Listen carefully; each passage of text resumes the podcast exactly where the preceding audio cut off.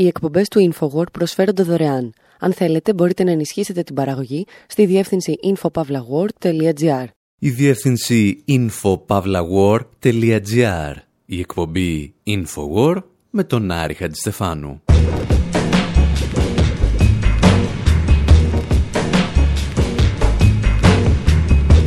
Όπου σήμερα ακούμε ιστορίες για τις 80 φορές που μια χώρα επιχείρησε να ανατρέψει το αποτέλεσμα των εκλογών μιας άλλης χώρας. Και διαπιστώνουμε ότι 80 φορές το έκαναν οι Ηνωμένε Πολιτείες. Ταξιδεύουμε μετά μουσικής από τις μεταπολεμικές εκλογές της Ιταλίας στις εκλογές βίας και ενωθείας της Ελλάδας του 1961 κάνουμε μικρές στάσεις στη Ρωσία του Γέλτσιν και στη Σερβία του Μιλόσεβιτς και αναρωτιόμαστε γιατί το Διεθνές Νομισματικό Ταμείο προτιμούσε τους αλκοολικούς από τους σχιζοφρενείς. Πεταγόμαστε μέχρι τη Λατινική Αμερική και μεταξύ τυρού και αχλαδίου σας δίνουμε και μερικές ακόμη πληροφορίες για το νέο ντοκιμαντέρ που ετοιμάζουμε. Trump, Putin, Russian collusion. Trump, Russian sort of collusion. Trump, Russian, possible collusion. Trump, Russian metal collusion. Trump, Russia, possible collusion. Trump, Russian, potentially collusion. Trump, Russia, possible collusion. Trump, Russian, possible collusion. Trump, Russian bot collusion. Trump, Russia, Russian collusion. Trump, Russia, possible collusion. Russian hacked our election. Here comes a big change. Because all of a sudden, Trump, Russian possible collusion, Russian, Russian, Russian collusion. Trump, Russian possible collusion. Trump, Russian possible collusion. Trump, the Russians, collusion. Collusion with the Russians. Trump, Russia, possible collusion. Trump, Russia, possible collusion. Prove collusion. Prove collusion. Was there collusion? Absolutely. Russia, possible collusion. Trump, Russia, possible collusion. Trump, Russia, possible collusion. Trump, Russia, possible collusion. Trump, Russia, possible collusion. Trump, Russia, possible collusion. Trump, Russia, potential collusion. Trump, Russia, potential collusion. And the Kremlin and be in collusion. Σε περίπτωση που παρακολουθείτε αμερικανικά δελτία ειδήσεων τον τελευταίο χρόνο και κυρίως όσα υποστηρίζουν την Χίλαρη Κλίντον, ίσως έχετε παρατηρήσει ότι ακούγονται όλο και περισσότερο σαν αυτό το τραγουδάκι. Απλώς χωρίς τη μουσική. Όλοι προσπαθούν να αποδείξουν ότι ο Ντόναλτ Τραμπ κέρδισε τις εκλογές χάρη στην παρέμβαση της Ρωσίας ή για την ακρίβεια ότι η Χίλαρη Κλίντον έχασε τις εκλογές εξαιτίας της παρέμβασης της Ρωσίας. Έχουμε συζητήσει πολλές φορές για το θέμα και δεν θα ξαναμπούμε στις λεπτομέρειές του.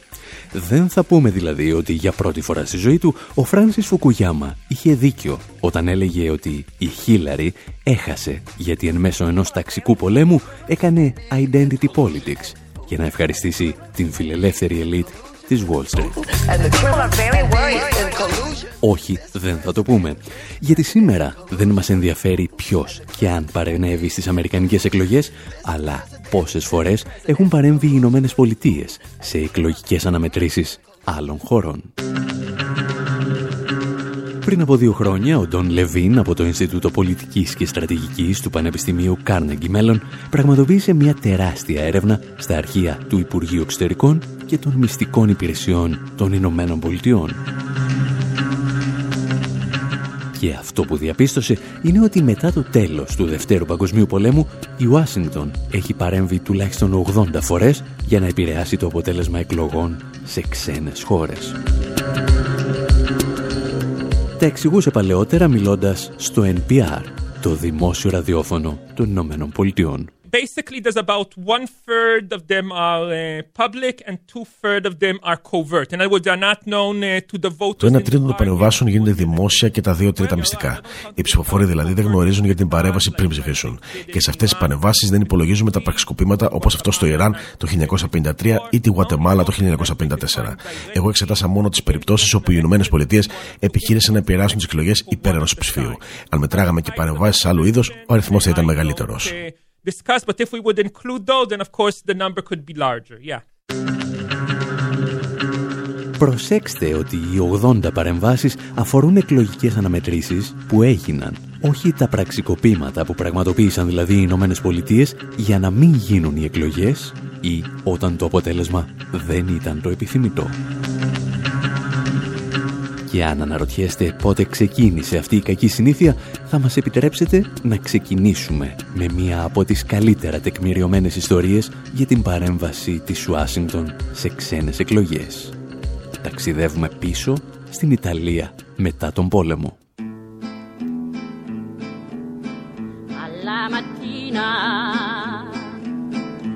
appena alzata bella ciao, bella ciao, bella ciao, ciao, ciao alla mattina. Appena alzata in risaia mi tocca andare. E fra gli insetti e le zanzare. Oh bella ciao, bella ciao, bella ciao, ciao, ciao, e fra gli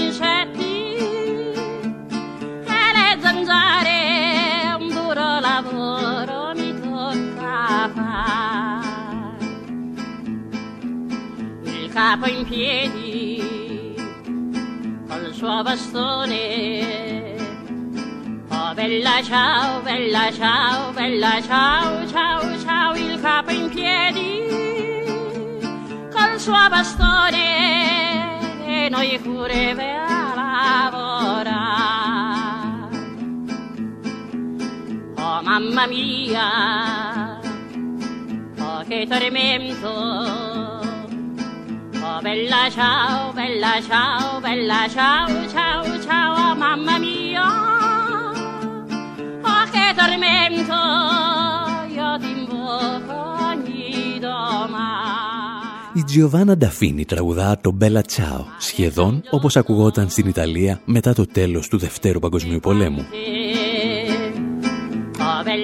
Ο φασισμός και ο ναζισμός έχουν ιτηθεί με την καθοριστική συμμετοχή και του κόκκινου στρατού και τα κομμουνιστικά κόμματα της Ευρώπης που στήριξαν περισσότερο αυτή τη μάχη ετοιμάζονται να δρέψουν και τους πολιτικούς καρπούς από τις θυσίες των μελών τους. Ή τουλάχιστον έτσι νόμιζαν. Για να αποτρέψουν την αναρρίχηση των κομμουνιστών στην εξουσία, Λονδίνο και Ουάσιγκτον θα προτιμήσουν τους συνεργάτες των Ναζί ή τους ίδιους τους Ναζί και το έκαναν ακόμη και μέσα στην κατεχόμενη Γερμανία. Ο Αμερικανός πράκτορας Erhard Daimbringhaus είχε μια πολύ ενδιαφέρουσα ιστορία να διηγηθεί για το θέμα και το έκανε πριν από δεκαετίες μιλώντας στο BBC. In 1948 I was uh, a special agent with CIC, that's our Το 1948 ήμουν ειδικός πράκτορας στην κατεχόμενη Γερμανία για την CIC, δηλαδή την Υπηρεσία Αντικατασκοπίας. Η δουλειά μου ήταν να διαχειρίζομαι ένα δίκτυο από Γερμανούς πληροφοριοδότες. Ανάμεσά τους βρισκόταν και ο Κλάους Μπάρμπι. Όταν πληροφορήθηκα ότι ο Μπάρμπι καταζητούνταν στη Γαλλία για εγκλήματα πολέμου, το ανέφερα στους ανωτέρους μου. Μου είπα να μην πω τίποτα, γιατί ήταν ακόμη πολύτιμος σε αυτούς. Όταν πάψει να είναι πολύτιμος, μου είπαν, θα τον παραδώσουμε στους Γάλλους. Εγώ νόμιζα ότι θα έπαιρνα προαγωγή όταν τους είπα για τον Μπάρμπι και αυτοί μου έλεγαν να μην πω τίποτα.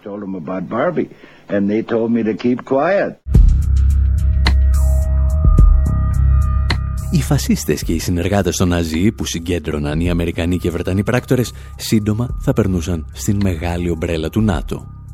Και από εκεί θα ξεκινούσαν μία από τις μεγαλύτερες επιθέσεις στη δημοκρατία που γνώρισε ο 20ος αιώνας. Στη γλώσσα της κατασκοπίας, οι ομάδες που δημιουργήθηκαν ονομάζονταν Stay Behind. Συγκέντρωναν όπλα σε μυστικές τοποθεσίες. Και θεωρητικά, εάν το Ανατολικό Μπλοκ εισέβαλε στην Ευρώπη, αυτές οι παραστρατιωτικές ομάδες θα αναλάμβαναν, λέει, να την προστατεύσουν. Σε κάθε χώρα οι ομάδες αυτών των παρακρατικών είχαν διαφορετική ονομασία. Στην Ιταλία λέγονταν Γκλάντιο, στην Ελλάδα Κόκκινη Προβιά και ούτω καθεξής.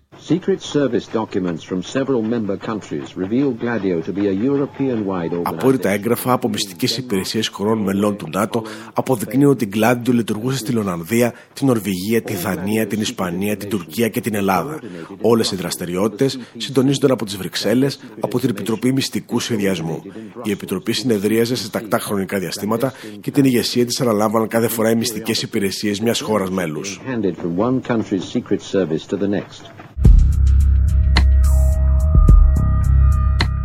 Ο παρακρατικός μηχανισμός λοιπόν για τα δύσκολα είχε ήδη στηθεί. Το πρόβλημα ήταν ότι το παρακράτος δεν κερδίζει εκλογές και οι Ηνωμένες Πολιτείες ήθελαν να κρατήσουν την Ευρώπη στην μεγάλη αγκαλιά της αστικής δημοκρατίας. Το δύσκολο αυτό έργο ανέλαβε η CIA, μια υπηρεσία η οποία τότε δεν είχε κλείσει ούτε ένα χρόνο ζωής. Τα εξηγούσε ο Ντόβ Λεβίν από το Ινστιτούτο Πολιτικής και Στρατηγικής του Πανεπιστημίου Carnegie Mellon. One uh, interesting example was the American intervention in the 1948 uh, Italian uh, election. Ένα ενδιαφέρον παράδειγμα είναι η Αμερικανική παρέμβαση στι εκλογές του 1948 στην Ιταλία. Οι Ηνωμένες Πολιτείες ανησυχούσαν ότι το Κομμουνιστικό Κόμμα θα κέρδιζε τις εκλογές και θα προχωρούσε στο Κομμουνιστικό στρατόπεδο και τη Σοβιετική Ένωση. Οι Ηνωμένες Πολιτείες λοιπόν ξεκίνησαν μια τεράστια μυστική αλλά και φανερή επιχείρηση για να αποτρέψουν τους Ιταλούς να ψηφίσουν το Κομμουνιστικό Κόμμα. Παραδείγματος χάρη, αύξησαν σε απίστευτο βαθμό την Αμερικανική εξωτερική βοήθεια προς την Ιταλία. Τους μήνες πριν από τις εκλογές αυξήθηκε κατά 250 εκατομμύρια δολάρια. Σε σημερινές τιμές, νομίζω η βοήθεια αυξήθηκε κατά 1,8 δισεκατομμύρια δολάρια.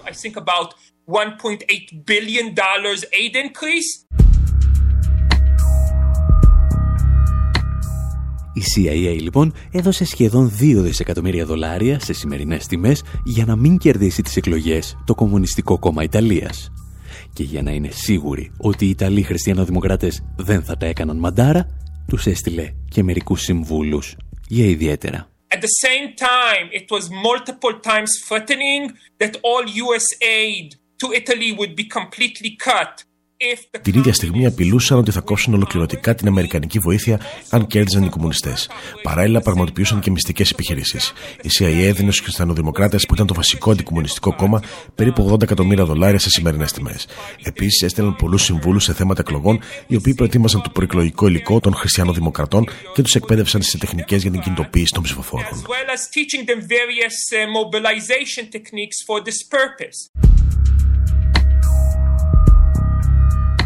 13 χρόνια αργότερα ο Γεώργιος Παπανδρέου θα καταγγείλει ότι οι Ηνωμένες Πολιτείες βρίσκονταν και πίσω από το σχέδιο Περικλής, δηλαδή τις εκλογές βίας και νοθείας στην Ελλάδα του 1961.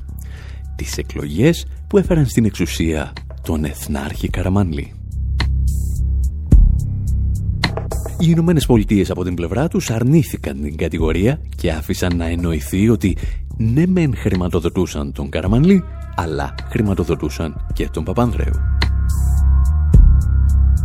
Οπότε το μόνο που γνωρίζουμε πέραν πάσης αμφιβολίας για το σχέδιο Περικλής είναι ότι μεταξύ των ανθρώπων που το κατάρτισαν ήταν ο μετέπειτα δικτάτορας και μέντορας του Μάκη Βορύδη, Γεώργιος Παπαδόπουλος.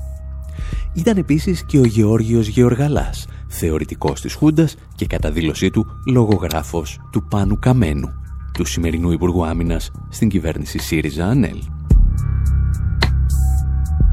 Εμάς όμως μας απασχολούν μόνο οι επιβεβαιωμένες αμερικανικές παρεμβάσεις στις εκλογές. Και για μερικές ακόμη από δάφτες θα μιλήσουμε στο δεύτερο μέρος της εκπομπής.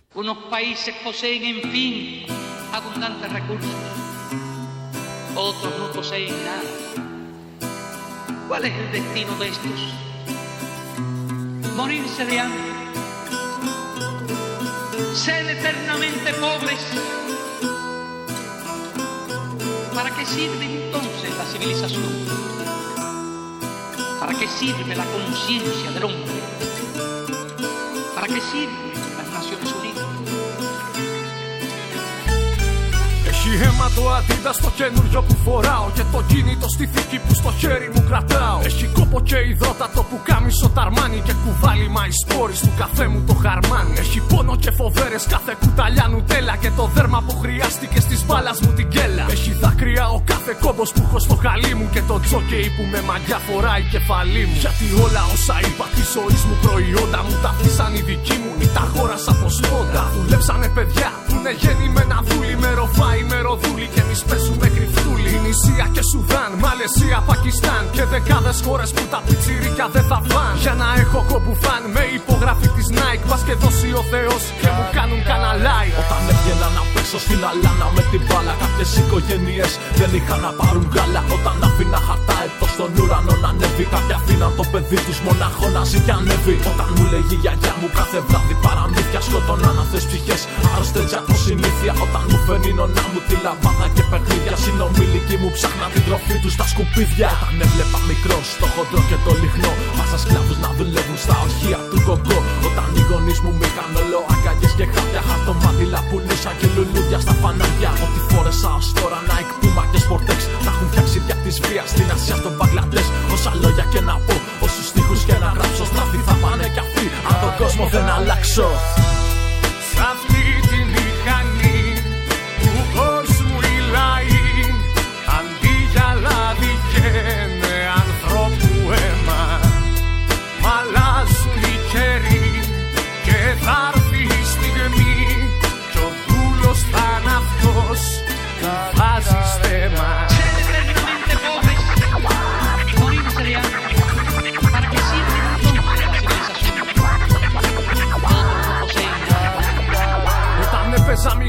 το πρώτο το Nintendo στην Ινδία, οι ανήλικοι κουβάλαγαν τσιμέντο. Όταν έφτιαχνα το δέντρο με φωτάκια και στολίδια, τα παιδιά στη Βραζιλία ψάχναν μέσα στα σκουπίδια. Όταν έκανα ποδήλατο στο δρόμο τα απογεύματα, συνομήλικου στην Κίνα τους σκοτώναν διαμοσχεύματα. Κίνηζα σαν κοίταζα τις τάξεις στα κορίτσια, ενώ στην Ινδονησία τα πουλούσανε για βίτσια. Όταν έβλεπα τον Άλαντιν στην Disney με τον Τζίνι, τα αδέρφια μου γαζώνανε κάτω στην Παλαιστίνη. Μας ευχάριστο Θεέ που έχω και έναν ΟΗΕ και να ενδιαφέρθω για αυτά δεν χρειάστηκε ποτέ. Να είναι καλά και το ΝΑΤΟ και Ηνωμένες Πολιτείες. Της θρησκείας του αδερφάτων όλες τις παιδεραστίες. Μα όμω πάνω απ' όλα τα άλλα, του μεγάρου μας τη ζάλα. Δεν θα είχες την κουτάλα αν δεν ήσουν καπιτάλα. Είναι το σύστημα ρολόι που ρυθμίστηκε να τρώει την εργατική την τάξη. Πολλά αυτή τα έχει παράξει. Μα δεν να το καταλάβει και μετά ποιος θα προλάβει. Από το κύμα να γλιτώσει και πανί να ανασηκώσει. Στο σχολείο σου αριστούχος να κρατάω τη σημαία. Ήμουνα απαλή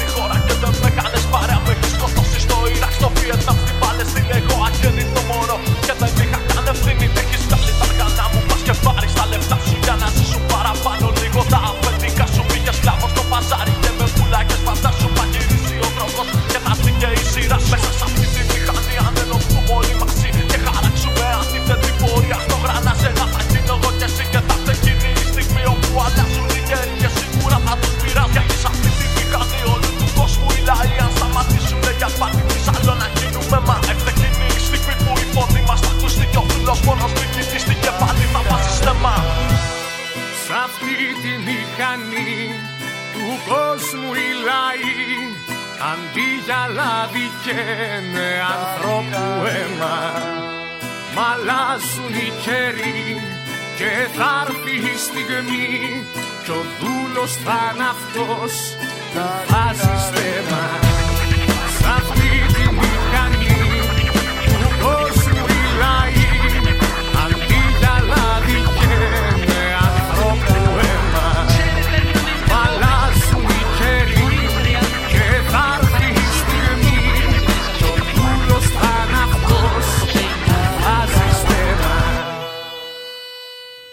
Οι εκπομπές του InfoWord προσφέρονται δωρεάν. Αν θέλετε, μπορείτε να ενισχύσετε την παραγωγή στη διεύθυνση infopavlagor.gr.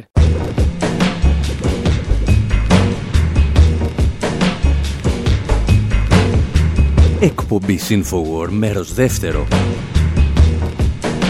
όπου καθώς στην Αμερική συνεχίζεται το σύριαλ για το ρόλο της Ρωσίας στην εκλογή του Ντόναλτ Τραμπ, εμείς θελήσαμε να θυμηθούμε εκείνες τις φορές που παρενέβησαν οι Ηνωμένες Πολιτείες σε εκλογές άλλων χωρών. Εκείνες τις 80 φορές. Κάναμε μία στάση στην Ιταλία του 1948 και στην Ελλάδα του 1961. Τίποτα όμως δεν προσφέρει μεγαλύτερη ικανοποίηση από το να θυμάσαι τις ημέρες που η Ουάσιγκτον καθόριζε το αποτέλεσμα των εκλογών στη Ρωσία Θα τα θυμηθούμε ύστερα από αυτό.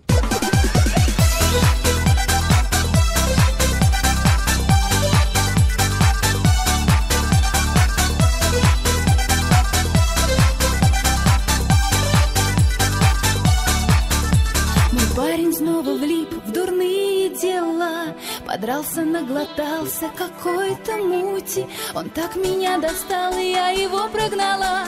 И я хочу теперь такого, как Путин. Такого, как Путин,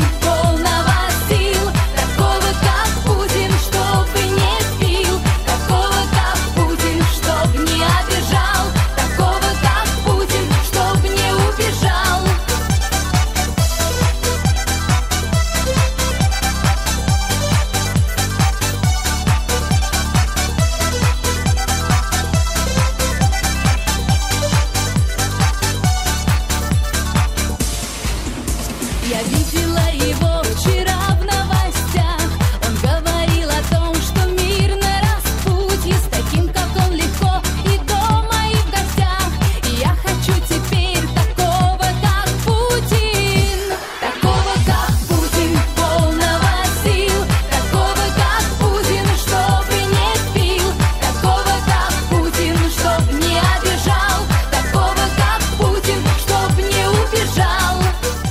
Το απαράδεκτο τραγουδάκι που σας έχουμε αφήσει να ακούτε εδώ και 1,5 λεπτό είναι αν θυμάστε ένα από τα πρώτα προπαγανδιστικά κομμάτια που γράφτηκαν για τον πρόεδρο της Ρωσίας, Βλαντιμίρ Πούτιν.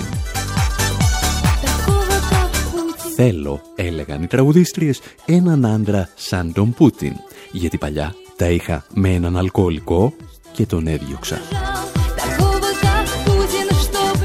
Και αν δεν καταλάβατε, ο αλκοολικός της ιστορίας μας ήταν ο Μπόρις Γέλτσιν, ο άνθρωπος που έκανε την κύρωση του ύπατος να ακούγεται σαν νομικός όρος.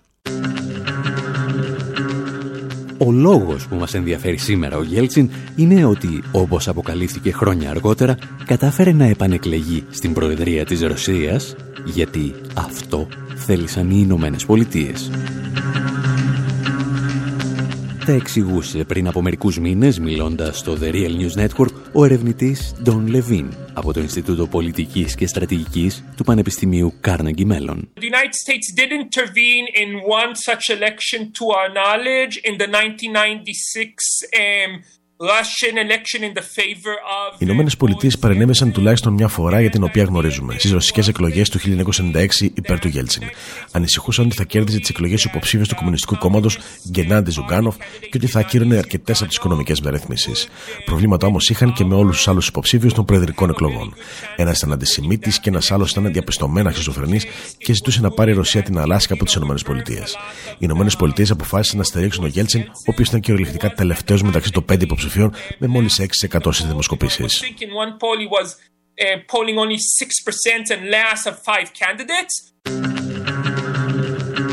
Είναι γεγονός ότι αν έχεις να διαλέξεις ανάμεσα σε έναν αντισημίτη και έναν τρόφιμο ψυχιατρίου, ο αλκοολικός Μπόρις Γέλτσιν αρχίζει να φαντάζει σαν η καλύτερη επιλογή για την Προεδρία της Ρωσίας. Τα πράγματα όμως το 1996 στη Μόσχα ήταν ελαφρώς πιο σύνθετα. Ο Γέλτσιν εκπροσωπούσε τα τμήματα της αστικής τάξης της Ρωσίας που ήταν προσκολλημένα στην Ουάσιγκτον και θησάβριζαν από το πρόγραμμα ιδιωτικοποιήσεων που είχαν επιβάλει οι Αμερικανοί οικονομολόγοι οι οποίοι συνέρεαν στη χώρα. Οι συμβουλές τους ήταν τόσο επιτυχημένες ώστε το ρούβλι είχε χάσει το 50% της αξίας του και εκατομμύρια Ρώσοι βρίσκονταν κάτω από το όριο της φτώχειας. Το προσδόκιμο ζωής μάλιστα είχε πέσει στα 58 χρόνια. Και όλα αυτά, να σημειώσουμε, συνέβησαν στη Ρωσία, ενώ η χώρα δεν είχε υπαχθεί ολοκληρωτικά στον έλεγχο του Διεθνούς Νομισματικού Ταμείου. Ο Διεθνής Οργανισμός είχε απλώς αυτό που ορισμένοι αποκαλούν συμβουλευτικό ρόλο. Πώς φτάνει όμως μια πρώην υπερδύναμη να αποτελειώνει το πληθυσμό της στα 58 χρόνια; Ο νομπελίστας οικονομολόγος Τζοζεφ Στίγκλιτς εξηγούσε κάποτε το ρόλο που έπαιξε το Διεθνές Νομισματικό Ταμείο με τις συμβουλές του.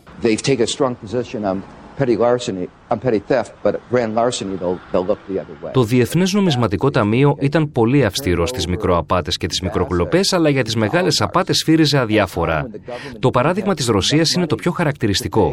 Έδωσαν όλα τα περιουσιακά στοιχεία του δημοσίου στους ολιγάρχες, τη στιγμή που η κυβέρνηση δεν είχε χρήματα για να πληρώσει ούτε τις χαμηλότερες συντάξεις. Έδιναν περιουσιακά στοιχεία δισεκατομμυρίων δολαρίων για ένα μικρό τμήμα της αξίας τους for a fraction of the value of those assets. Ο Στίγκλιτς υποστηρίζει ότι για την παταγώδη αποτυχία στη Ρωσία δεν ευθύνεται αποκλειστικά η οικονομική σκέψη του Διεθνούς Νομισματικού Ταμείου. Εκείνη την εποχή, έλεγε, το Ταμείο ασκούσε και συγκεκριμένη πολιτική με ένα βασικό στόχο, να διατηρήσει στην εξουσία τον Μπόρις Γέλτσιν. When it comes to corruption in Russia, there Όταν η διαφθορά εξαπλωνόταν στη Ρωσία, έκαναν ότι δεν καταλαβαίνουν. Για την ακρίβεια, το Διεθνές Νομισματικό Ταμείο και το Αμερικανικό Υπουργείο Οικονομικών ενίσχυαν τη διαφθορά. Και το έκαναν γιατί ήταν αφοσιωμένοι σε έναν ιδιαίτερο τύπο ηγεσίας, στο Γέλτσι.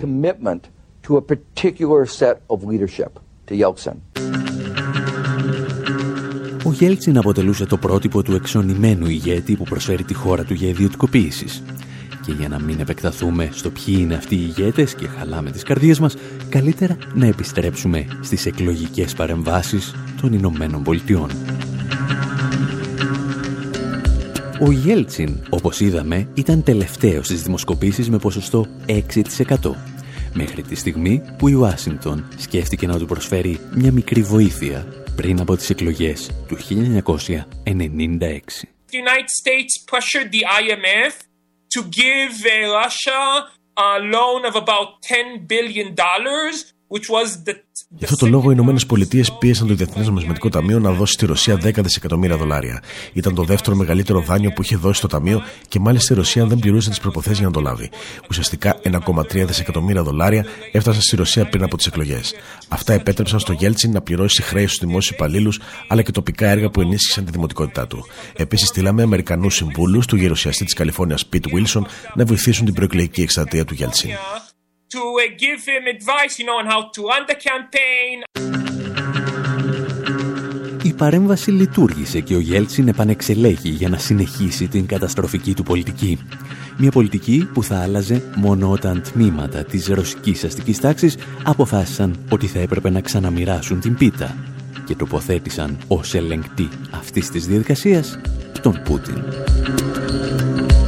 Εμείς όμως εδώ απλώς εκλογολογούμε, οπότε θα περάσουμε στην επόμενη παρέμβαση των Ηνωμένων Πολιτειών αφού ακούσουμε αυτό.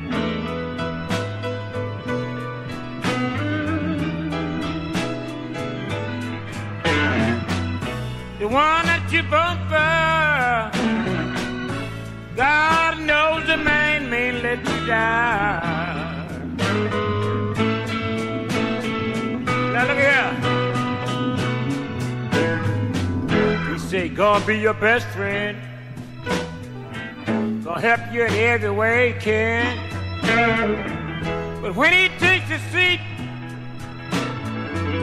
just the way, be careful how you vote on every election day.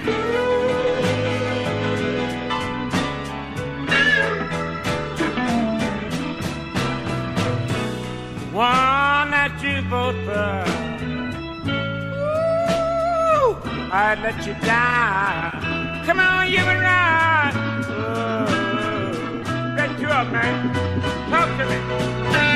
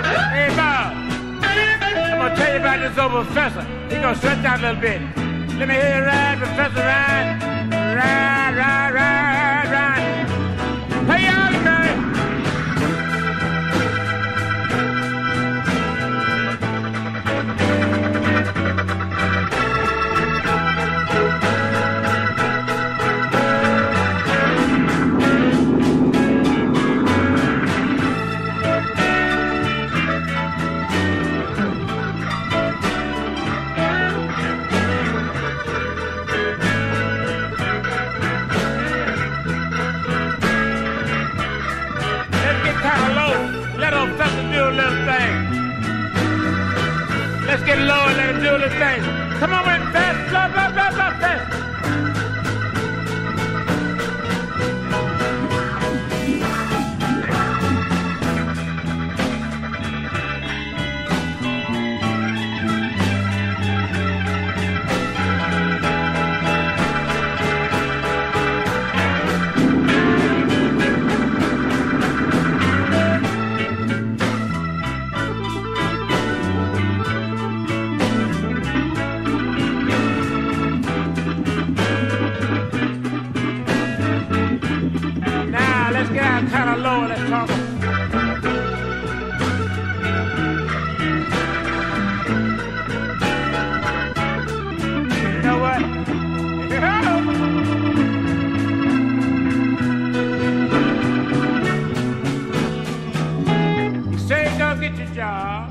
Ο Σάνλαντ Σλιμ που ξεκίνησε από το Δέλτα του Μισισιπί για να φτάσει στο Σικάγο των Blues μας προειδοποιεί να προσέχουμε τι ψηφίζουμε. Όταν περνάς στο παραβάν, λέει, να προσέχεις μη σου κόψουν και το λαιμό. Και αυτό, όπως απέδειξε η πρόσφατη ιστορία, δεν αφορά μόνο τους ψηφοφόρους, αλλά ενίοτε και τους υποψηφίους.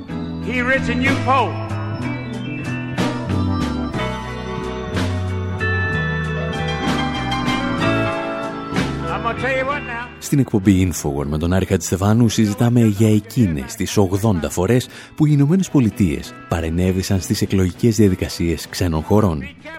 Και μετά τη Ρωσία του Γέλτσιν έχει έρθει η σειρά της Σερβίας του Μιλόσεβιτς. Όπως είναι πλέον γνωστό, το επικοινωνιακό κόστος για την εκλογική ανατροπή του πρόεδρου Μιλόσεβιτς το 2000 ανήλθε στα 41 εκατομμύρια δολάρια. Σε αυτά συμπεριλαμβάνονται σύμβουλοι της αντιπολίτευσης, στημένες δημοσκοπήσεις, αλλά ακόμη και γραφιτάδες, οι οποίοι γέμιζαν τις πόλεις με το σύνθημα «Gotov je», που σημαίνει «έχει τελειώσει». Κεντρικό ρόλο στην ανατροπή έπαιξε τότε το ίδρυμα του Τζορτζ Σόρος, αλλά και ο Αμερικανός πρέσβης στο Βελιγράδι, Ρίτσαρντ Μάιλς. Για τον ερευνητή Ντόν Λεβίν, η αμερικανική παρέμβαση στις εκλογές του 2000 στη Σερβία αποτελεί ακόμη και σήμερα ένα από τα χαρακτηριστικότερα παραδείγματα επιτυχημένης παρέμβασης από την πλευρά της Ουάσιγκτον. One example of that was our intervention in uh, Serbia or Yugoslavia in the 2000 election there. Ένα χαρακτηριστικό παράδειγμα ήταν η παρέμβασή μας στις εκλογές Σερβίας το 2000.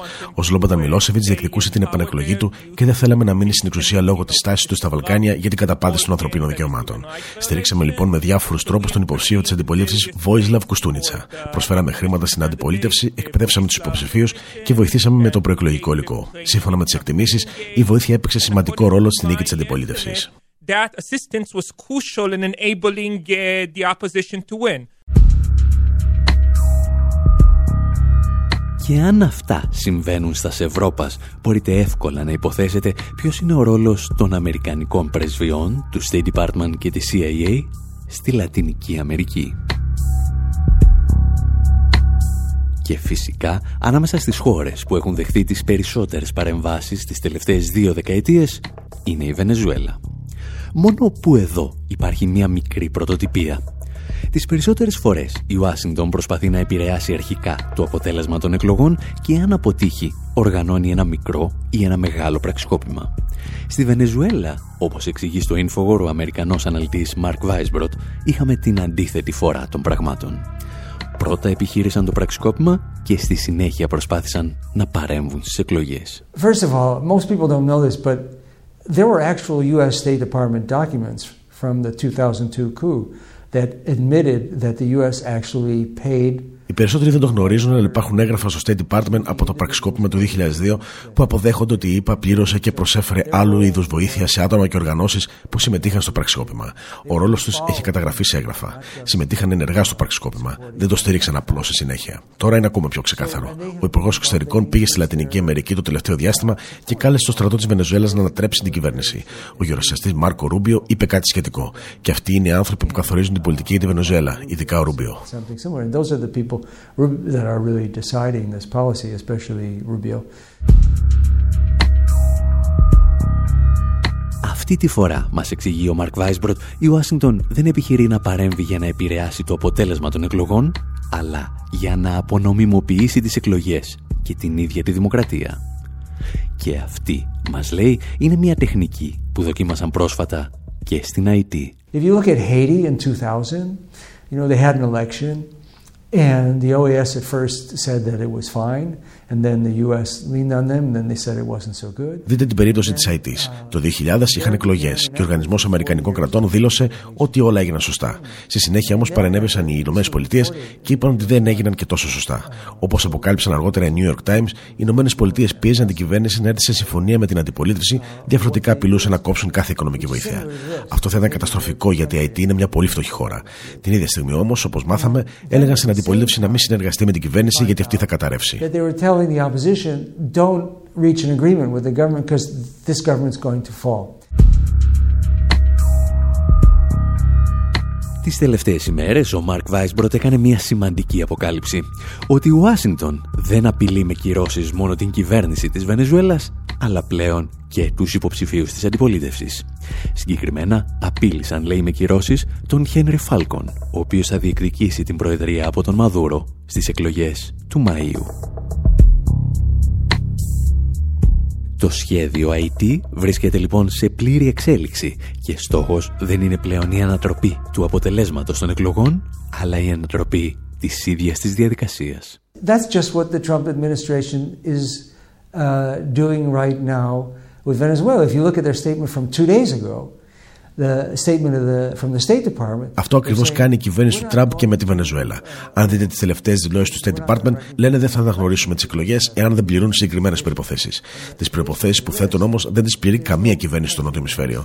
Δεν θα αναγνωρίσουν λοιπόν τις εκλογές και η πολίτηση που ακολουθεί τη στρατηγική των ΗΠΑ δεν θα συμμετάσχει. Ό,τι και να συμβεί με τις εκλογές δεν θα θεωρούνται νόμιμες γιατί οι ΗΠΑ δεν θέλουν να είναι νόμιμες. As it looks like right now, it won't be considered legitimate because the United States doesn't want it to be legitimate. Εμείς πάλι που μας ακούτε αποφασίσαμε να ασχοληθούμε με αυτή την υπόθεση λίγο πιο σοβαρά, με ένα ντοκιμαντέρ. Το τι ακριβώς όμως έχουμε στο μυαλό μας και πώς μπορείτε και εσείς, αν θέλετε να βοηθήσετε, θα σας το ανακοινώσουμε αυτή την εβδομάδα. Μείνετε συντονισμένοι στη διεύθυνση info.pavlawar.gr Ακολουθήστε μας στο Facebook και στο Twitter, γραφτείτε συνδρομητές στο εβδομαδιαίο newsletter μας και θα έχετε πολύ σύντομα νέα από εμάς.